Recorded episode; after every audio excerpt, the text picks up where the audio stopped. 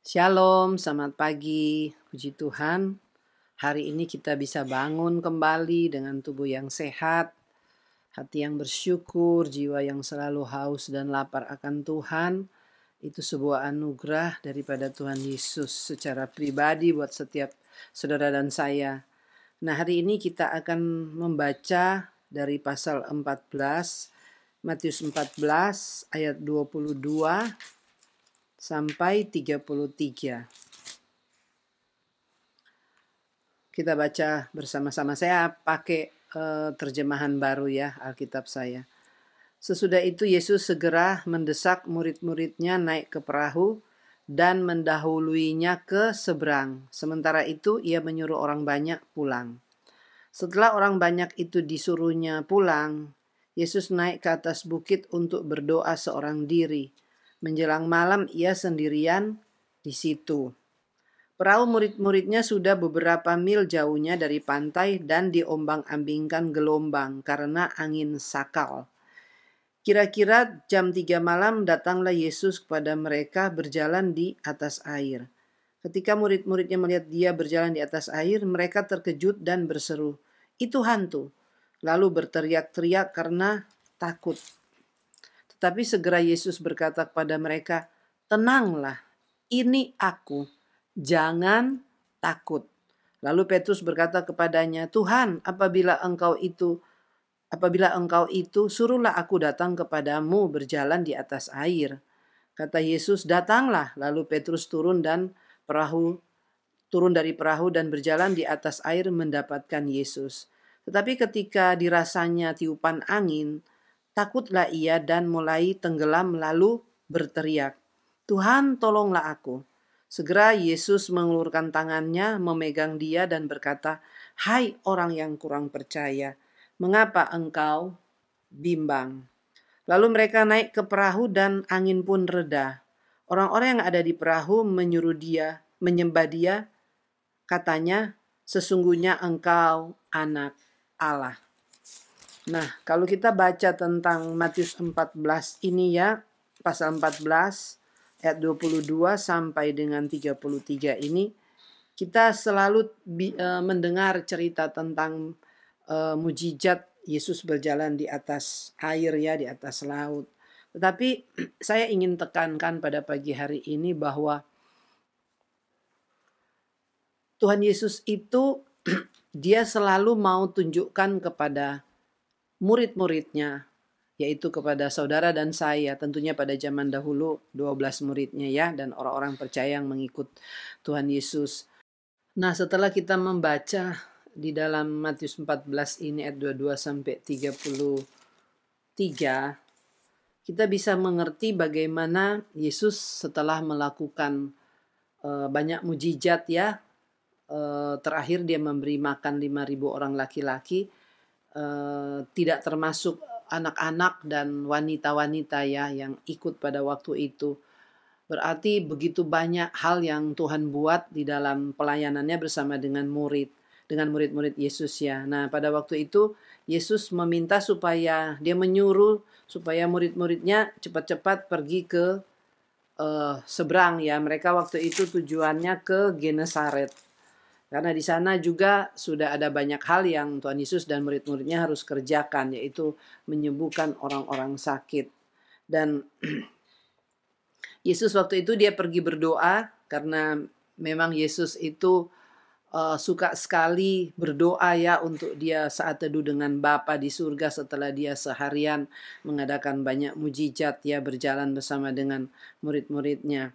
Nah, kalau kita baca terus uh, tadi yang kita sudah baca ini ya kita renungkan sebenarnya uh, murid-murid Tuhan Yesus mereka itu begitu sangat-sangat disayang oleh Tuhan Yesus. Kenapa? Karena tapi tapi saya mau katakan murid-muridnya ini masih kurang menyadari akan hal itu.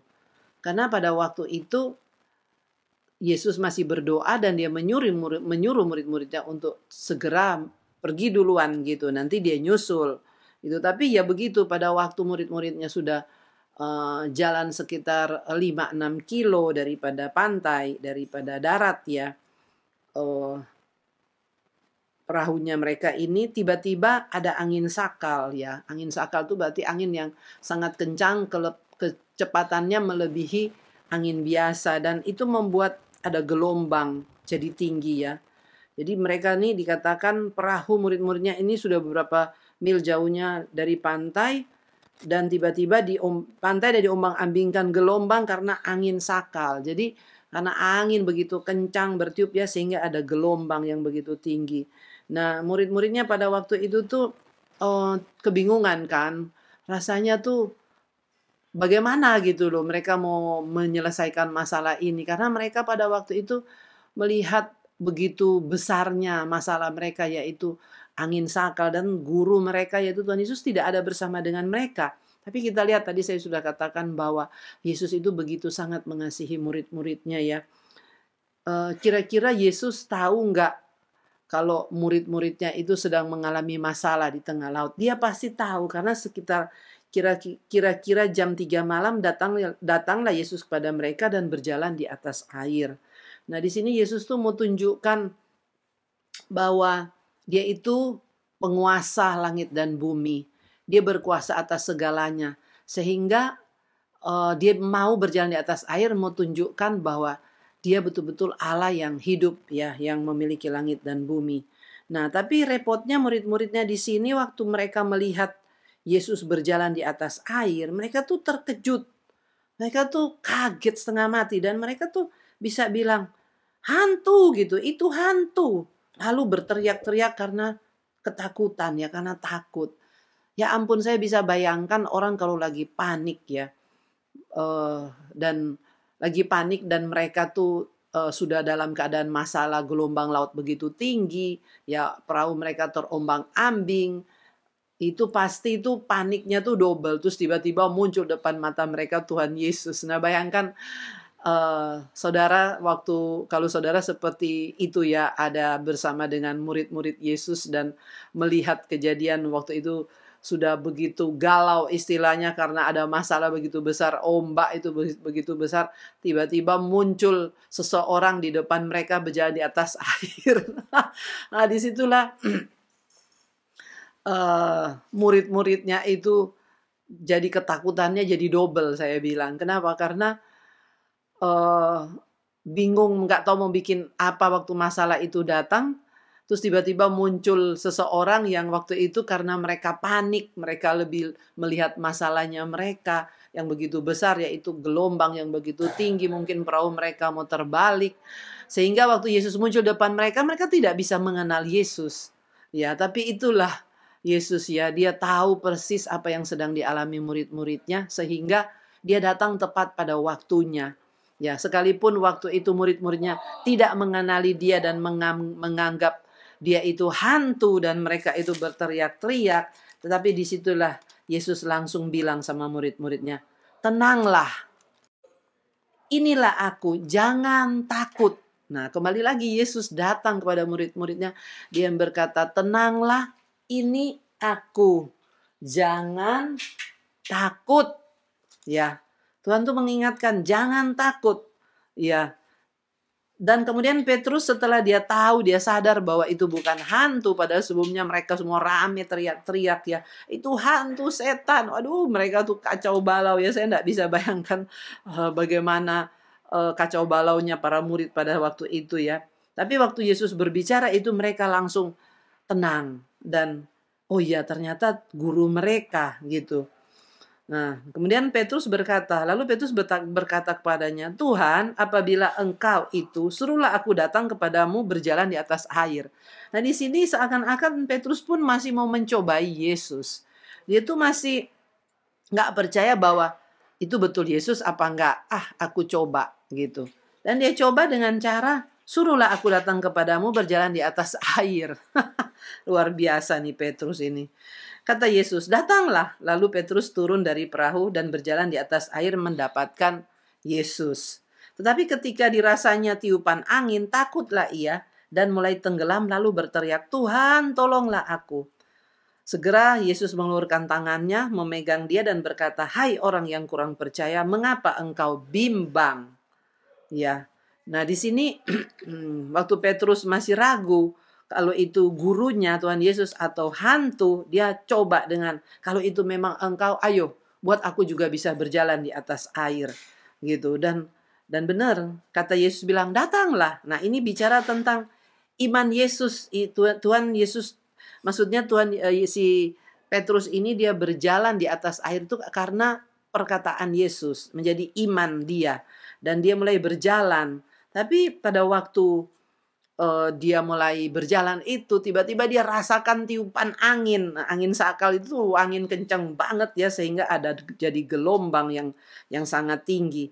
Nah waktu dia merasakan itu artinya waktu dia mulai tidak melihat kepada Yesus dia tidak fokus lagi pada Tuhan Yesus yang dia rasakan saat itu tuh masalah Nah, kita pun seperti itu kan. Waktu kita mulai melihat masalah itu begitu besar, kita mulai melihat COVID ini kok tidak selesai-selesai. Kita mulai melihat bahwa aku ini sakit. Saya pun sering kali merasakan begitu. Aduh, aku nih kok nggak sembuh-sembuh waktu lalu ya dari asam lambung. Kok anakku tahu-tahu ini ada yang sakit, nanti ada ponaanku sakit, nanti ada adik iparku sakit, macam-macam terjadi. Dan waktu saya mulai fokus kepada uh, apa yang ada di sekeliling saya, itu perasaan takut mulai muncul. Tapi saya selalu ingat, Tuhan selalu berkata, setiap hari ada kata-kata dalam Alkitab, jangan takut. Dan dia mau katakan kepada saudara dan saya juga pada pagi hari ini untuk melewati sepanjang hari ini, jangan takut karena Yesus itu ada bersama dengan engkau. Ya. Jangan fokus kepada kepada masalahmu, jangan fokus kepada pergumulanmu ya fokus kepada Yesus sehingga uh, kita semua saudara dan saya tidak lagi akan merasa bahwa aku bisa tenggelam, aku bisa lewati nggak masalah ini. Bisa karena ada Yesus bersama dengan engkau. Dia ada di dalam engkau. Dia bersama, dia Immanuel. Ya, dia teriak, "Tuhan, tolonglah aku." Segera Yesus mengurkan tangannya. Nah, di sini waktu Petrus menjerit, Tuhan langsung spontanitas menjulurkan tangannya artinya dia memberikan pertolongan kepada Petrus. Sehingga setelah itu eh, Petrus selamat tapi Yesus juga masih tegur hai orang yang kurang percaya mengapa engkau bimbang? Bayangkan Yesus sudah ada di depan mata setiap hari lihat mujizat eh, berjalan bersama dengan Yesus tapi waktu hadapi masalah yang dilihat masalah bukan Yesusnya. Sehingga Tuhan Yesus pun mesti tegur eh, Petrus sama pun kepada kita hari ini Tuhan pun masih tegur, "Hai orang yang kurang percaya, mengapa engkau bimbang?" Ya, lalu mereka naik ke perahu dan angin pun reda. Orang-orang yang ada di dalam perahu menyembah dia, katanya sesungguhnya engkau anak Allah. Jadi waktu Yesus ada dalam perahu kehidupan kita, dia selalu bersama dengan kita, maka segala persoalan, masalah, pergumulan dalam hidup. Saudara dan saya termasuk sakit penyakit sekarang ini yang sedang melanda dunia dan melanda melanda kota kita Surabaya, melanda Indonesia. Itu segera sirna. Karena apa? Yesus ada di dalam perahu kita, ada dalam kehidupan kita, ada di dalam saudara dan saya. Dan sungguh saya, saya sangat percaya waktu kita terus melihat Yesus, terus melihat Yesus, terus melihat Yesus. Dan ingat selalu dia berkata, jangan takut anakku, tenanglah, tenanglah artinya berdoalah, bersyukurlah, berterima kasihlah bahwa engkau tidak sendirian, sungguh, maka engkau akan dapat kekuatan baru. Dan engkau akan melihat masalah-masalah yang sedang terjadi hari-hari ini tuh hanya seujung kuku di hadapan Tuhan. Bahkan tidak kelihatan. Dan tahu-tahu itu semua sudah lewat. Karena Tuhan Yesus begitu sayang dan mencintai setiap kita, orang-orang pilihannya yang sudah dibeli dengan darah yang amat sangat mahal. Bayangkan saudara, untuk keselamatan kita aja. Dia rela melakukan apa pun dia curahkan darahnya tubuhnya dihancurkan untuk menebus hidup kita. Apalagi hanya ketakutan-ketakutan kita. Itu tidak ada apa-apanya di hadapan Tuhan. Hari ini bertobat, minta ampun sama Tuhan, datang pada Tuhan dan katakan Tuhan, aku seperti ini. Aku minta supaya engkau menolong aku, menguatkan aku kembali, dan membuat aku bisa berjalan di atas air bersama dengan engkau. Aku terus melihat engkau. Air itu adalah gelombang yang sedang terjadi hari-hari ini. Tapi aku percaya, aku terus mau menatap pada Yesus, dan aku keluar sebagai pemenang. Seperti itu saudara ya. Mari kita berdoa. Bapak terima kasih kami bersyukur buat pagi hari ini Kembali kami bisa bangun dengan tubuh yang sehat, hati yang selalu rindu, haus dan lapar akan Engkau. Terima kasih buat firman-Mu yang mengingatkan setiap hari pada kami, jangan takut anakku, jangan takut, jangan takut. Engkau tidak sendirian, ya Tuhan kami tidak sendirian. Engkau bersama dengan kami, bahkan Engkau ada dalam kami. Roh Kudus menuntun, membimbing kami setiap hari. Angkat semua ketakutan kami, angkat semua kekhawatiran kami, angkat semua kegelisahan kami, sehingga kami terus bisa Tuhan penuh sukacita, penuh damai sejahtera, penuh kebaikan. Bahkan Tuhan, hati yang gembira adalah obat yang mujarab.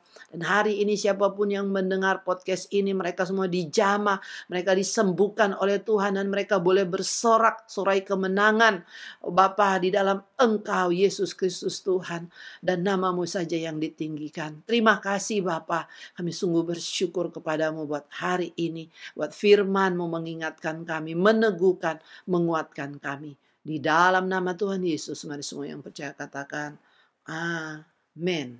Tuhan memberkati.